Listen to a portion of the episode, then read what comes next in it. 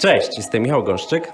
A ja Olga Żółkiewicz, a wysłuchacie praktycznego podcastu o EB i rekrutacji IT. w którym poznacie tajniki pracy ekspertów z branży. W poprzednim odcinku opowiadaliśmy o tym, jak budować employee experience w dużej organizacji, jaką była wirtualna, była i jest wirtualna Polska, a dzisiaj troszkę od drugiej strony sobie ugryziemy ten HR-owy temat, czyli o tym, jak budować HR od podstaw w firmie, w której jeszcze go nie było. Witamy bardzo serdecznie w kolejnym odcinku Arka Czyżowskiego, który e, aktualnie, jak jeszcze ten odcinek nagrywamy, jest HR and Business Development Managerem w Embiku. E, a e, możemy Wam już zdradzić, że jak, jak ten odcinek słuchacie, e, to jest już w innym miejscu. W jakim? E, sprawdźcie sobie na LinkedInie Arka. Arku, witamy Cię bardzo serdecznie. Cześć, bardzo mi miło, fajnie Was widzieć.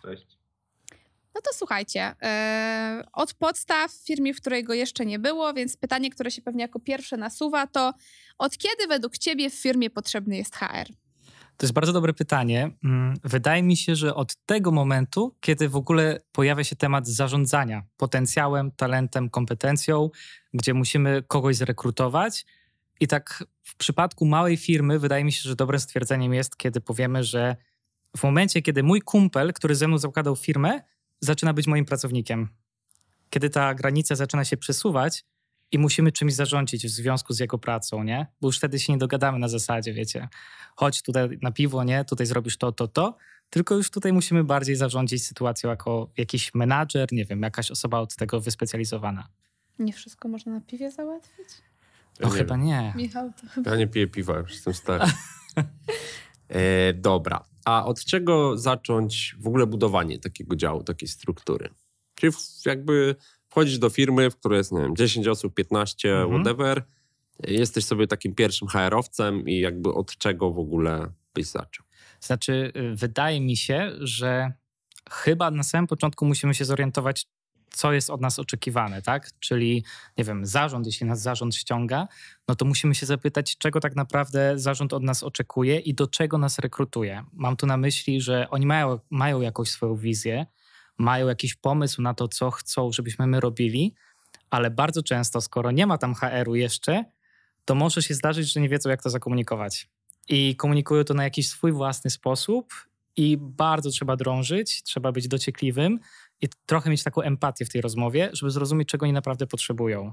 A, Bo jeszcze mogą nie wiedzieć, czego potrzebują. Mogą jeszcze nie wiedzieć, no i czego właśnie potrzebują. moje pytanie jest, kiedy uważasz, że to powinno być? Jak już wejdzie ten HR-owiec do organizacji, czy lepiej przed wybadać rekrutacji. czego? I lepiej przed, zdecydowanie lepiej przed, bo mm, to jest trochę wtedy taka tajemnica, ale nie taka usilna, tylko po prostu nikt nie wspiera tego przywództwa w tym, żeby ta komunikacja była jasna, żeby była klarowna, żeby te potrzeby były zdefiniowane. Więc no, same, z samej tej sytuacji wynika, że może być tak, że oni nie wiedzą to, czego nas rekrutują, tylko wiedzą, że potrzebują. Nie? Ta potrzeba może być taka niedookreślona, więc ja bym generalnie jak najwięcej się zdzwaniał, pytał, nie? prosił o jakieś tam dostępy na tyle, ile można, do, do jakichś tam, nie wiem, wywiadów, niewywiadów z tymi ludźmi, żeby wiedzieć po prostu, y, czego oni naprawdę potrzebują i jakich kompetencji, co jest hiperważne. A powiedz mi, trochę pohipotetyzuję, ale powiedzmy, że jesteśmy na rekrutacji, to będzie nowa, będzie Mhm. pierwsza osoba w, w dziale HR, no i rozmawiamy z tym zarządem, czy tam właścicielem firmy,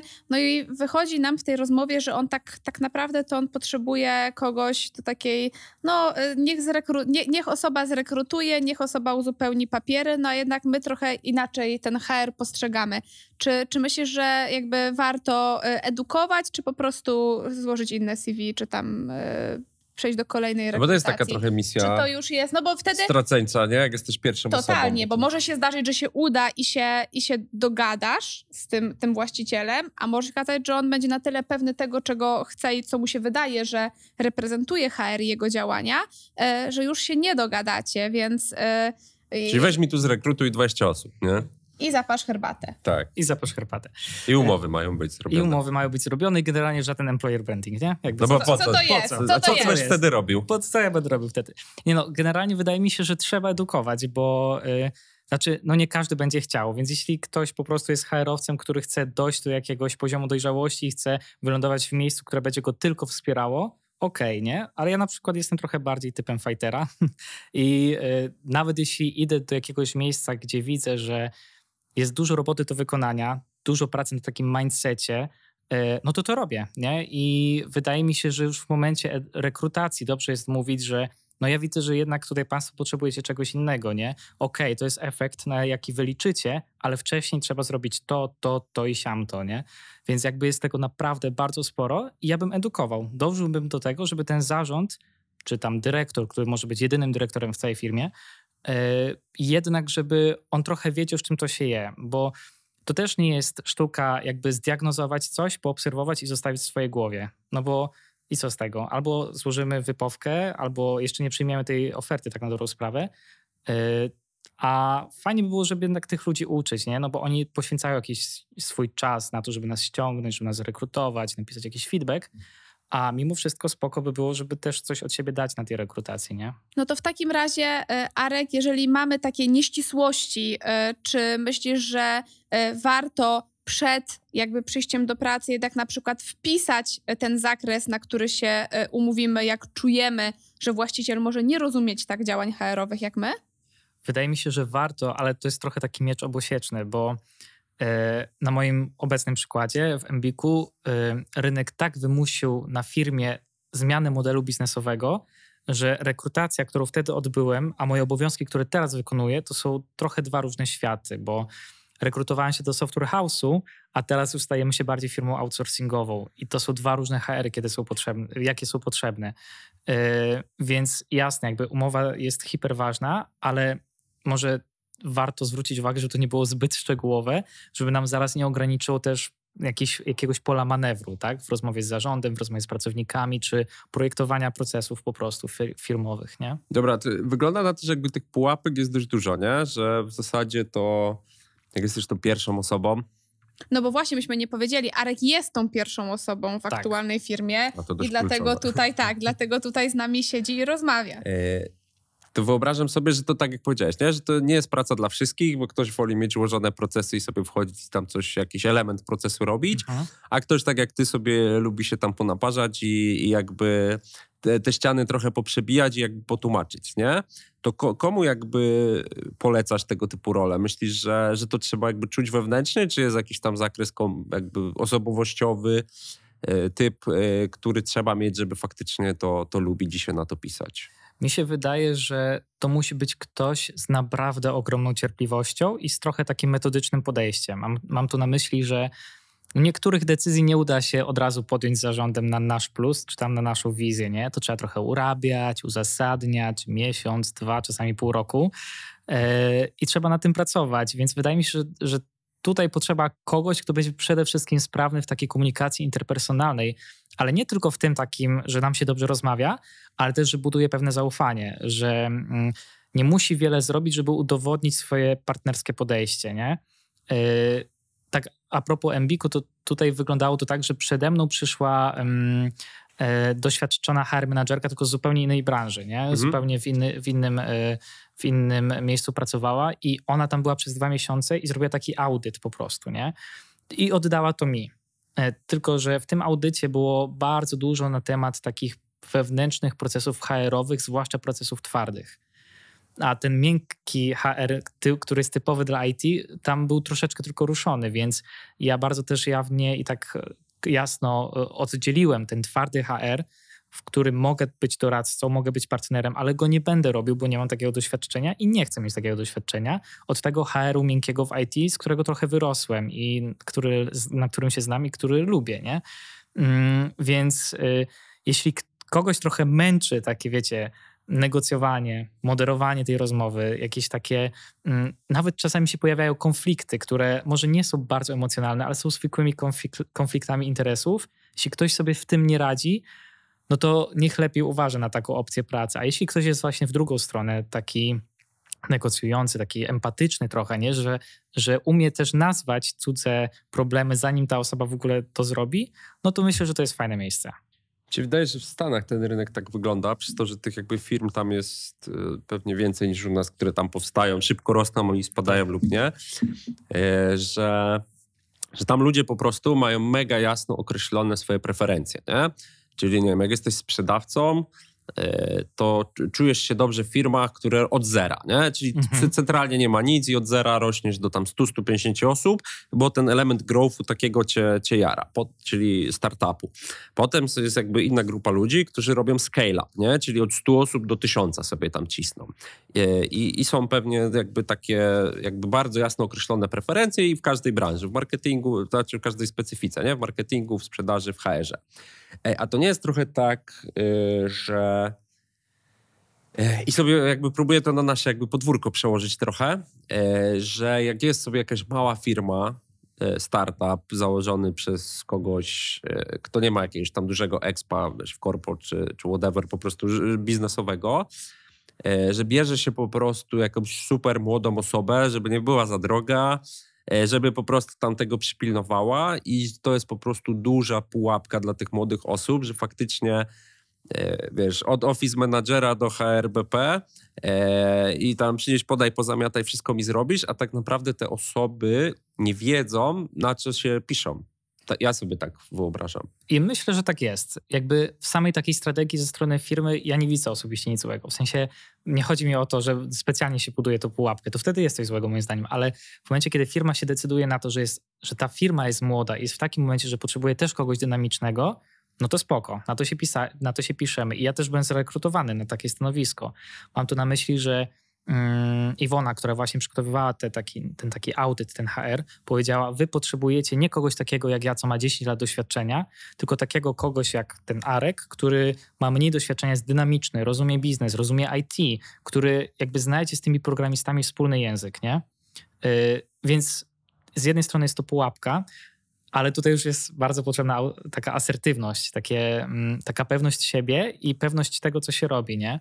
Bo jeśli się trochę wyjdzie e, poza tą pewność siebie i zacznie się brać wszystko na siebie, jakby też z innych obszarów, marketing, social media i w ogóle, Czy można spalić? można się nie? spalić bardzo szybko. Czy mi się wydaje, że jeszcze jedna rzecz jest kluczowa, tak w ramach pułapek, ja trochę pokontynuuję, e, ta świadomość też tego, czego nie wiemy jako młode Mhm. osoby. Bo myślę, że ten odcinek dużo takich osób, które zaczynają w HR-ze będzie, będzie słuchać. I ja pamiętam, jak będąc w Waseko, czyli no wiele lat temu i byłam tam na stanowisku specjalistycznym, zaczęłam, ja dostałam ofertę po roku, półtora roku e, pracy zawodowej na dyrektora w całkiem sporej Mhm. firmie IT, dyrektora HR. I słuchajcie, pierwsza, pierwsza myśl, tak, tak. A potem sobie myślę, Olga, z czym do ludzi? Z czym? Przecież ty, się, ty jeszcze się nie nadajesz na dyrektora na tym etapie, nie? E, widziałam dziewczyny, które były HR biznes partnerkami, jakie miały case'y. Ja na razie się dopiero ich uczyłam. A, a co, a, a, a jakby daleko mi było te x lat, teraz będę zmniejszać, ten, kilka lat Nie temu. wypominając. Tak, nie wypominając mi zmarszczek.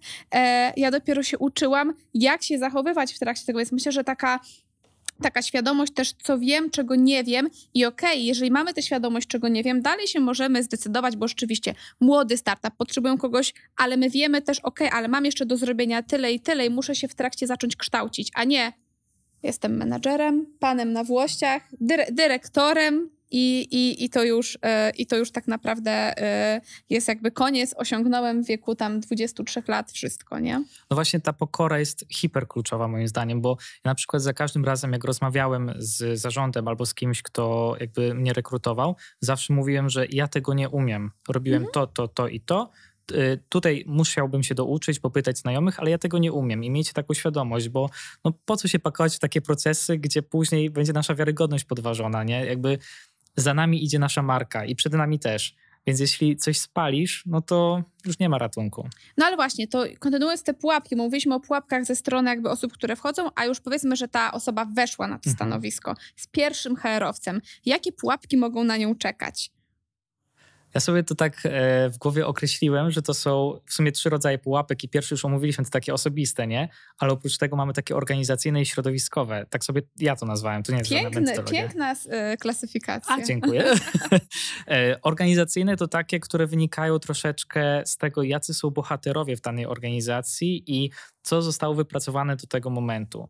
Ja się spotkałem z sytuacją, gdzie wcześniej osoby, które no nie były na takich stricte HR-owych stanowiskach, ale miały takie kompetencje, próbowały sobie jakoś ratować sytuację i tworzyły jakieś pliki, jakieś dokumenty, jakieś procesy, e, I wydaje mi się, że to jest takie miejsce, do którego my musimy zajrzeć, bo tam już jest jakaś wiedza zebrana, jakieś doświadczenie. Może nie HR-owe, może to nie jest w HR-owym standardzie, ale trzeba tam zaglądać, bo to są, jest jakby jakiś bagaż doświadczeń, z którego można fajnie e, czerpać i fajne procesy zbudować, nie? Mm, akurat właśnie w Embiku była taka ogromna księga, którą e, Agnieszka budowała z biura i to była księga procedur i tam była procedura na wszystko, dosłownie na wszystko. Jak się zachować w danej sytuacji w momencie, kiedy ja wypadnę z mojego stanowiska i ktoś inny wejdzie, no to ja już mam księgę, jak się zachować w konkretnych e, procesach biznesowych, nie? I warto do takich rzeczy zaglądać, chociaż czasami przeraża ta ilość stron. E, no ale to jest konkretna, e, konkretna, konkretna studia, studia, studnia wiedzy, nie? Czyli ja też tak słyszę tutaj, że trzeba być też trochę pokornym, czyli nie, że ja tak. przychodzę, nie mieliście HR-u, odsuńcie się, ja wam zrobię, tylko, tylko raczej zwrócić uwagę i poszanować to, co Poszanować co jakby stan zostany, nie? Trochę. To jest strasznie trudne, bo ja na przykład miałem taką dużą pokorę, e, Boże, miałem taką dużą pokusę w sobie, żeby mówić, ja wiem jak to zrobić nie? Posłuchajcie mnie, to będzie tak, nie? Mm, ale nie o to chodzi, bo przecież to, że coś działało wcześniej, nie znaczy, że będzie działało w tej firmie, nie? I wydaje mi się, że też właśnie ci kluczowi bohaterzy, to są takie szare eminencje w tej firmie, którzy, y, które nie mają wysokiego stanowiska, ale wpływają bardzo mocno na to, jak się firma rozwija, nie? Są na takich stanowiskach, do których ludzie przychodzą i kreują pewien wizerunek firmy, nie? Mm, więc to są też ludzie, do których lepiej się przytulić, lepiej ich dobrze zrozumieć, wypytać o wszystko i nie warto mieć z nimi kiepskich kontaktów, bo później to wszystko będzie jakby tak się rozpływało na całą organizację, nie? Tak mi się wydaje. A te środowiskowe? No to specyfika branży i specyfika stanowiska. Jeśli idziesz do IT, musisz być świadomy tego, co się dzieje na rynku, musisz być cały czas w aktualnej wiedzy. Rok mm, rozwoju firmy to jest ogromnie długi czas, zwłaszcza w naszej branży. Jeśli pominiesz jakieś aktualizacje z jednego kwartału, no to jesteś już bardzo do tyłu. I wydaje mi się, że. Ale to masz na myśli, nie wiem, że stawki się zmieniają co kwartał, że się trendy zmieniają. Nie wiem, czy ktoś mógł przespać, że wszyscy poszli na remota i nie ma w firmie remota? Raczej trudno by było to przespać. Raczej było trudno to przespać, bo już dwa lata się o tym mówi. Mm, ale tak, na przykład stawki się zmieniają, nie? Trochę inna technologia zaczyna być e, na topie. Troszeczkę Python, załóżmy, przestaje patrzeć, nie wiem, może jest taka sytuacja hipotetycznie, ale przestaje patrzeć na Django, a zaczyna patrzeć na Flaska, nie? W deweloperzy się zmieniają, inna technologia wchodzi, jakby zaczynają być jakieś programowanie nisko... Tylko pytanie, co ty jako ten HR-owiec możesz z tym zrobić? Robić, nie? Doradzać zarządowi. Okay. Doradzać zarządowi, bo HR nie wychodzi tylko do pracowników, ale wychodzi też do zarządu, nie? I fajnie Czyli też komunikować, że okej, okay, z rynku wiem, że jakby nie wiem, na Go teraz się patrzy, nawet takie badania widziałem, że w Stanach jest bardzo mało ludzi z Go, ale bardzo dużo ludzi chce się tego nauczyć. No i to już jest też jakiś trend, który, który HR-owiec mógłby sobie wyłapać i faktycznie z zarządem o tym rozmawiać, że że może warto. No tak, no bo HR-owiec nie robi tylko rekrutacji, nie tylko układa procesy, ale też dba o rozwój pracownika.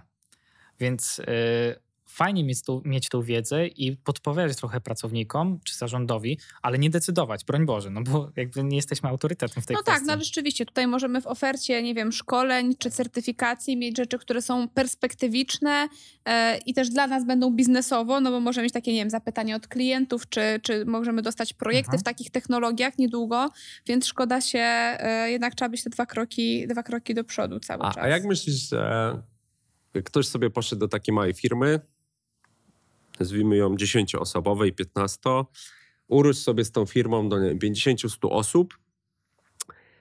I co dalej, jak sobie wyobrażasz? Że już nawet jakby abstrahując od twojego case'u, bo, bo ty tam jakieś już plany, jak wiemy, masz kolejne, ale jak sobie wyobrażasz taką standardową ścieżkę kariery potem dla takiej osoby? No bo... Mówimy ja, o tak? Tak, no bo ja sobie wyobrażam, że w zasadzie jesteś jednak pewnie nie zdążyłeś sobie jakiegoś uber dużego teamu zbudować, nie? No bo jak to ogarniasz, to ogarniasz i też jeszcze może skali takie nie ma, żeby to było potrzebne. E, więc pytanie jakby, co ty możesz jako taka osoba robić dalej, nie? Czy w kierunku HRBP, no bo pewnie zupełnie inaczej byś wylądował z tym, co robisz teraz, jaką masz sprawczość tak naprawdę tych wszystkich rzeczy, jakbyś sobie poszedł teraz do, do Olgi do pracy albo do jakiejś wielkiej korporacji innej, gdzie jest, wiesz, od tego wszystkiego, co ty robisz sam, tam jest, wiesz, 40 osób, nie? Mhm. Więc pewnie zupełnie inaczej byś się czuł. No, widać to na przykład na tym mm, raporcie na strategicznym biegu HR, tak on się nazywał, spracuje. Mhm. Chyba Tak. tak. Do którego ty nawet Nie, port, portret HR-owca i tam był jakiś podtytuł. Tak, tam był jakiś podtytuł i tam na przykład widać, że wraz ze wzrostem organizacji e, jakby ilość tas- jakby rodzajów tasków, którymi się zajmuje HR-owiec jest coraz mniejsza, coraz bardziej się specjalizuje, no coraz bardziej w nie wchodzi, ale jakby jest ich mniej. E, Czyli specjalizacja następuje. jest specjalizacja. Pytanie, jaki mamy cel? Bo często jest tak, że nie ma, się, nie ma jakby po co się rozrastać dla samego rozrastania. Nie? Zakładanie KPI-ów, że musimy, nie wiem, wzrosnąć o 800 osób, jest bez sensu. Nie no, to oczywiście z biznesu, nie? Wynika pewnie, Tak, tak? ale zarząd też ma jakąś dalej perspektywę na to, co chce, żeby z tymi ludźmi się dalej działo, jako HR-owcami, więc warto cały czas pytać o to, czego oczekują, no i czy my możemy im to dać, nie? Jeśli nie, no to fajnie jakby pójść sobie dalej albo znaleźć swoją, swoją wąską tutaj jakąś dziedzinę, Mm, ale od tego bym zaczął. Od wskaźników, od celów i od tego, mm, jak możemy się jeszcze przysłu- przysłużyć organizacji, nie? Okej, no i, i twój personalny potem wątek, czy faktycznie chcesz iść wąsko, Tak. e, czyli robić dowolny z tych aspektów, jakby których HR dotyka, czy faktycznie jednak cię jara to, żeby robić dużo rzeczy na raz e, i może mógłbyś już zostać wtedy, wiesz, jakimś e, headem takiego teamu w firmie, która idzie od 100 do 1000, nie? No też pytanie, czy bardziej opłaca się zarekrutować kogoś już z dużym doświadczeniem, kto wniesie jakąś świeżą wartość, czy lepiej zaufać tej osobie, która już to ogarnia i już długo to robi, nie? Tylko cały czas będzie pracować jakby na tej może starej wiedzy, jak to nazwać? Nie wiem. No tylko to jest z drugiej strony pytanie, wiesz, czy, czy ta osoba jakby urosła na tyle, żeby to ogarniać ten kolejny Dokładnie. etap, nie? Bo to jest Dokładnie. pewnie zupełnie inna firma, rosnąć tam do 50-100 osób, a między 100 a 1000 no to jest jakby kompletnie inny. Nawet ostatnio z kimś rozmawiałem, kto taki wzrost zaliczył, o takie setki w, w miesiące e, ludzi, to, to słyszałem, że tam się na przykład polityki i procedury HR-owe zmieniały co kwartał, nie? Że prostu tak szybko to rosło wszystko, że te, to, co dzisiaj wypracowaliśmy, to już w grudniu było absolutnie nieistotne, nie? E, A potem to, co mamy w grudniu, jak doszło kolejne 150 osób, to już w marcu jest znowu nieistotne. I z kolei ten HR musiał, wiesz, nadążać, nadążać, nadążać i jeszcze to komunikować do ludzi wszystko, nie? Czyli ja myślę, że tutaj znowu wracamy do takiego pokory i szkolenia, bo, bo znowu to, co nam zadziałało dla małej firmy, 15 osób, 50, ym, to doświadczenie nie będzie wystarczające dla 350 Tak. osób. Myślę, że są nowe, jakby więcej osób, więcej możliwości różnych e, spięć, Mhm. emocji grupowych, no problemów zwykłych, no większe nie prawdopodobieństwo... interesariusze zupełnie. Tak, no i, i myślę, że tutaj też e, to jest, akurat mówiłeś, że, że nawet jakiś tam mentoring, e, teraz Tak, jesteś na mentoringu, tak. więc ja myślę, że to jest kluczowe, nie stwierdzenie właśnie, dobra, to jak jestem menadżerem tu, to będę i menadżerem tam i siam, e, no bo zaraz się okaże, że gdzieś tam jest, no s- jest nawet jakiś taki case e, z jakiegoś tam mojego, mojej znajomej e, kręgu, że, że była właśnie młoda osoba, gdzieś tam zaszła bardzo, bardzo wysoko w organizacji i się nagle organizacja urosła, się okazało, że osobie brakło tego doświadczenia z pomiędzy, nie? Jakby nie, nie było wiedzy. To brak- klasyczny case chyba nie tylko w HR-ze, nie? tak, W sprzedaży, w IT. więc myślę, że jak tutaj właśnie kto, ktoś, to jest, to jest chyba turbo kluczowa sprawa, żeby nie stwierdzić, ok, to ja już fajnie, jest Tak. fajnie, e, tylko stwierdzić, kurczę, czego mi brakuje, e, na co muszę być przygotowany, nie? Bo, bo ja uważam, że to jest rewelacyjna ścieżka, e, jakby szybko mieć sprawczość, Tak. móc coś zrobić, e, no, no super. No ale właśnie, żeby, żeby w tym wszystkim nagle nie, nie wejść do tego kołowrotka i go, i go nie domknąć, Dobra, nie? a, a ja na tych wszystkich grupach jestem, na Facebooku. Różnych, Których? przeróżnych, wszystkich. Ja na Wszystkich. Okej, Najbardziej kulturalne są te o motocyklach. okej. by the way. E, I bardzo dużo ostatnio widzę postów, że ktoś chce się na HR przebranżowić. Mhm. E, czyli, nie wiem, właśnie byłem office managerem, byłem w marketingu, jakąś pierwszą mam pracę biurową i ogólnie mi się ta rekrutacja podoba, bo pewnie widzę, że też stawki rosną, etc. To co byś jakby poradził takim osobom, Ci pewnie mówimy o takim case'ie, że faktycznie gdzieś tam jestem na początku drogi, nie mam tego expa dużo, ktoś szuka takiego wszechogarniacza, e, który będzie w zasadzie pewnie od office managera przez miękki do twardego. E, to co byś doradził jakby takim osobom, co mogą zainwestować swój pewnie czas, żeby się czegoś nauczyć, żeby faktycznie być e, poza tym charakterologicznym dopasowaniem, e, żeby być takim potencjalnie fajnym kandydatem. Wydaje mi się, że wszelkie jakieś takie rekomendowane testy trochę talentów. nie? Czyli trochę taka diagnoza siebie, takie budowanie trochę samoświadomości, tak? Co ja umiem, czego nie umiem, w czym się sprawdzam, jakie środowisko mi pasuje, bo może ten HR w IT nie jest dla wszystkich, może HR bardziej w branży produkcyjnej jest do mnie dopasowany, no bo to jest zupełnie inny klient Zupełnie wewnętrzny. inny, tak, tak. Tak, zupełnie inaczej. E, no i pytać po ludziach. Ja zawsze uważam, że warto zapytać kogoś znajomego, co tam u niego słychać, jak tam się ma ta branża, e, czy zauważył coś ciekawego. y, I dopiero później jakieś swoje też wnioski wyciągam z tego, nie? Bo mm, no fajnie jest posłuchać kogoś starszego doświadczeniem i właśnie dlatego się zapisałem na mentoring, mm, bo to dużo problemów ze mnie ściąga i fajniej się uczyć na czyichś błędach niż na swoich. To dużo jest łatwiejsze dla psychiki, na Tak. pewno. No i przede wszystkim właśnie ta autodiagnoza, nie? Taka samoświadomość tego, kim ja jestem, gdzie się sprawdzę, czego chcę od życia, nie? I być może nie chodzi tylko tutaj o zmianę mm, na HR, bo HR jest fajny, Mi tylko się tak wydaje, że trochę tak jest, że dzisiaj jest sexy, zwłaszcza w Bo jest IT. hype, no. bo jest hype. Jest też dużo ofert na HR ostatnio, nie? Jest jakiś duży wzrost w ogóle na HR-owców tych, y, tych ogłoszeń y, rekrutacyjnych, ale no, czy warto po prostu wychodzić ze swojej strefy po to, żeby się sprawdzić i zaraz spaść, nie? No może warto ryzykować, ale trzeba to zrobić mądrze. Trzeba się przygotować do tego ryzyka. Tak jest moje zdanie. No bo to też. yy, To też, no właśnie, bo to jakby te, te, te takie personalne jakby predyspozycje, twoje charakterologiczne to jest jedno, ale faktycznie dru, drugi wątek to jest zupełnie inny. E, czy ty wiesz, co to jest flask, nie? Czy, No roz- czy, czy ciebie to jakikolwiek interesuje, co, co, co ci ludzie jakby, czym oni się interesują, o czym oni piszą, jaki mają cięty humor, e, czy faktycznie ta technologia jako tako cię jakkolwiek jara, czy faktycznie masz to gdzieś i, i cię to w ogóle nie jara, no bo wtedy pewnie nie rozwiniesz się nigdy na tyle, e, żeby tym partnerem zostać, nie? No właśnie mam masę takich jakichś znajomych, którzy trochę obserwują y, no, moje środowisko i próbują się przebranżowić na IT, nie? Bo ja im mówię, że w IT jest tak fajnie i w ogóle, nie? Ale jak im tak opowiadam trochę, co się dzieje w tym IT, jaka to jest specyfika ludzi, no to już trochę im ręce opadają, no bo u nich się pracuje na zupełnie innym systemie, bo na przykład jest to branża bardziej budownictwa, nie? Albo branża produkcyjna. Dla nich jest to niewyobrażalne, że może do mnie przyjść pracownik i powiedzieć, no słuchaj, jakby ja chcę kole teraz, owocowe poniedziałki. No i ty, jeśli jest więcej takich pracowników, no to fajnie by było coś z tym zrobić, nie? A oni pracują w takich sektorach, gdzie mówią, no chyba sobie żartujesz, nie?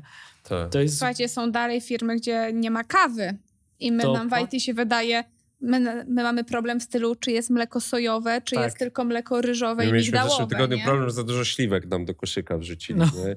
I kto zrobi ciasto śliwkowe, bo zawsze było dużo różnych rzeczy, a teraz śliwki są. Wszyscy No, oburzeni, więc- No, chodzili u dwa nas dni. też to było, też ze śliwkami. No, że mieli wysyp. Jest. Więc, więc, więc wiecie, mamy całkow, całkiem inny świat, całkiem Tak. inne problemy Czyli jakby do ogólnie byś doradzał po prostu faktycznie zagłębienie się w specyfikę, Zdecydowanie. E, czyli nie wchodzić jakby w temat, bo jest dużo ofert i potencjalnie duża kasa, tylko faktycznie się samemu sobie odpowiedzieć na pytanie, czy, czy to jest coś, co mnie interesuje i na co jestem gotowy, tak? No tak, no bo no, no spalisz się inaczej, nie? No bo wyjdziesz z produkcji, gdzie przede wszystkim dbasz o to, że no, może rotacja, rotacja na produkcji jest podobna trochę do tej na, w Myślę, IT, że tak. ale z zupełnie innych powodów, wiecie. Tak. Tak. Jakby na produkcji ludzie się jeszcze przywiązują trochę do pracodawcy, a w IT się ludzie przywiązują do, pro, do projektu, do Tak. pracy, jaką ma, do technologii, do rozwoju, nie? No i też w IT troszeczkę inaczej pracujemy. Teraz ten kandydat przestaje być kandydatem, a zaczyna być trochę klientem, nie? Tak mi się wydaje. W związku chociaż e, z rozwojem tych wszystkich gigerów, nie? Tak mi się wydaje. No, Znaczy, wydaje mi się, że jakby traktowanie już, my to dużo przyjęliśmy w herze z marketingu i dalej, dalej przejmujemy. Myślę, że ogólny taki traktowanie czy kandydata, czy pracownika w kategorii, na przykład dla mnie, wszyscy w organizacji są moim klientem wewnętrznym. Mhm. To, to są moi klienci wewnętrzni. Rekruterzy, yy, agenci sprzedaży. każdy ma jakąś agendę, każdy ma jakiś pomysł, Dla, dla, dla sprzedażowca klientem będzie klient Tak. ale moim klientem jest ten sprzedażowiec. Tak. Ja go muszę jakby wesprzeć i o jemu się musi dobrze pracować. On musi iść uśmiechnięty do klienta, żeby móc z klientem y, dalej budować relacje, nie? Więc jakby mam totalnie innego w HR-ze klienta wewnętrznego niż osoby, które pracują w tej, w tej organizacji. Dobra, Arku, to też tak ostatnie, ostatnie takie pytanie, ale to też myślę, że e, chyba ostatnie, chyba, że Michałowi coś jeszcze wpadnie do, do głowy. E, no bo e, jesteś ta, byłeś teraz w takim fajnym momencie, jesteś w ogóle w takim, ja, ja tak, tak sobie myślę, to, to jest takie bardzo ekscytujące, bo, bo i ta mhm. praca, którą miałeś teraz, ta praca, której idziesz, no i pierwsze takie doświadczenia też liderskie, więc taka fajna perspektywa. Powiedziałam tysiąc razy słowo fajna, ale, ale to chyba pokazuje, jak, jak jest to ekscytujące E, czy podzielisz się z, e, z, słuchaczami, którzy być może też są w, w podobnej roli jak ty teraz i nas słuchają, takimi twoimi wnioskami z takiego doświadczenia first time leader? Hmm. Znaczy, abstrahując już od tego, żeby zdobywać wiedzę, nie? I trochę tam na rynku i takiej merytorycznej wiedzy, to wydaje mi się, że bardzo kluczowi są ludzie, którzy cię otaczają. E, ja musiałem też swój zespół zbudować od zera. Nigdy nie było zespołu HR. Ile jest teraz osób? E, w HR-ze ze mną są trzy. E, rekrutujemy czwartą, ale jakby no ja tam przechodzę na dalszy plan, więc znowu będą trzy. Replacement, tak. No. Tak. I to, jakich sobie ludzi zrekrutujesz, mm, jest hiperkluczowe, bo akurat w tej sytuacji ważne było dla organizacji, żeby było dużo osób samodzielnych nie? Jakby, żebym ja też nie musiał pilnować tego, co ktoś robi, tylko żeby ktoś yy, jakby budował taką swoją autonomię w procesach, był trochę odważny, żeby decydował. Oczywiście wcześniej skonsultował to z kimś mądrzejszym, ale żeby mimo Odważny, ale nie za bardzo. Tak, odważny, ale nie za bardzo. Yy, I jeśli masz wspierający zespół i nie tylko ten taki, którym ty zarządzasz, ale ten, który z tobą współpracuje, no to to jest bardzo łatwa praca, bardzo przyjemna. W Embiku yy, pamiętam, że robiliśmy, zdążyłem zrobić Ale to jakby wniosek badania. z tego jest taki, że musisz trafić do dobrej firmy, nie? Niekoniecznie. Niekoniecznie. Mi się wydaje, znaczy ja zawsze jestem mm, takiego przekonania, że dużo problemów międzyludzkich wynika z tego, że nie potrafią się ze sobą ludzie skomunikować. Że nie mówią o swoich potrzebach, a ty y, też masz trochę inną perspektywę tej potrzeby i odpowiadasz na coś zupełnie innego niż oni potrzebują.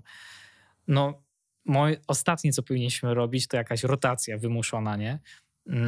Tylko moim zdaniem trzeba dążyć do dialogu i do zrozumienia. Jeśli masz fajny zespół, bo go stworzysz, nie tylko tym, że go zarekrutujesz, ale też wypracujesz sobie takie drogi dotarcia do tych ludzi, sposób komunikacji z każdą ważną osobą w dziale, no to ta, ta praca idzie o wiele łatwiej.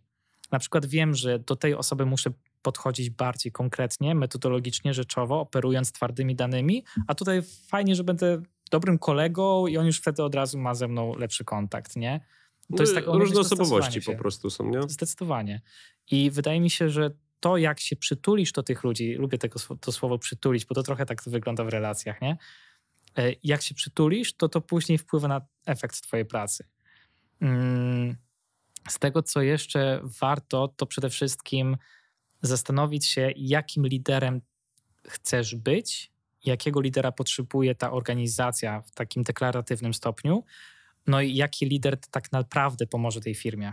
I sobie zmapować te wszystkie trzy różnice pomiędzy tymi obszarami, pomiędzy tymi trzema obszarami i zobaczyć, na co muszę uważać, nie? Na co powinno mieć moją uwagę i y, w jakich obszarach raczej trzeba... I czy jest fit w ogóle tu, nie? Tak, no. mhm. Ja robiłem na przykład tak, że jak y, zapominałem o jakichś obszarach do zrobienia, albo na przykład wiedziałem, że ja trochę myślę inaczej niż cała reszta firmy, i muszę coś zmienić, to sobie przyklejam takie karteczki na monitor, że pamiętaj, nie? nie wszyscy myślą tak jak ty, albo pamiętaj, uśmiechaj się więcej, bo ci ludzie też tego potrzebują, nie? I to są takie proste rzeczy, ale one bardzo wpływają na jakość współpracy.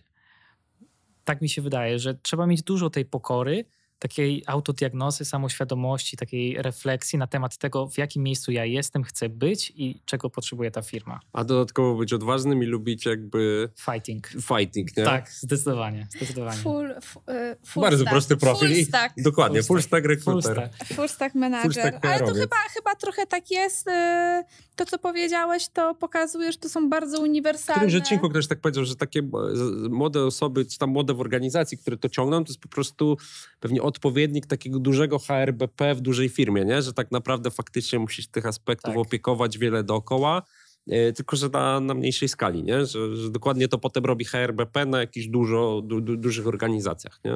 No słuchajcie, w naszej firmie obecnie, obecnie HR w pewnym momencie zaczął sprzedawać, zaczął zajmować się outsourcem. Nie dlatego, że jakby nie miał kto to robić, tylko my tak dobrze znaliśmy te, tych pracowników, wiedzieliśmy w Super. jakich projektach oni pracują, że my obsługiwaliśmy nie tylko ławeczkę, ale też jakby no, sprzedawaliśmy do klientów, tak? Bo było nam łatwiej. Wiedziałeś, co masz. Wiedzieliśmy, co mamy, nie? Czy no, to jest akurat super. Jakby takie No. wejście w organizację, no to to jest, to jest e, Wysoki jakby... poziom, nie? O tym, o, jakby tak powinniśmy działać. Czyli nie my, oni, my HR, oni biznes, tylko Tak.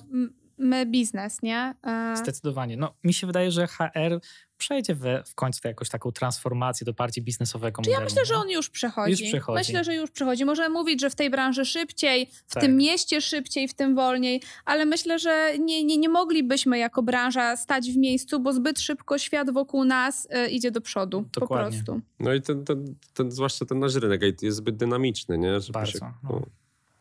Arku, Super, bardzo, ci bardzo ci dziękujemy. dziękujemy. I życzymy dziękuję Ci powodzenia w nowym miejscu. Mamy nadzieję, że jak już e, Opublikujemy, już będziemy oficjalnie. Tak, to Ty już będziesz jak u siebie że będzie dobry pre-onboarding i nie, tak. wiesz, i pójdziesz faktycznie. A, super, dzięki. dzięki, przyda się. Dobra. Dzięki bardzo i do zobaczenia. Trzymajcie Dzięki. się, hej.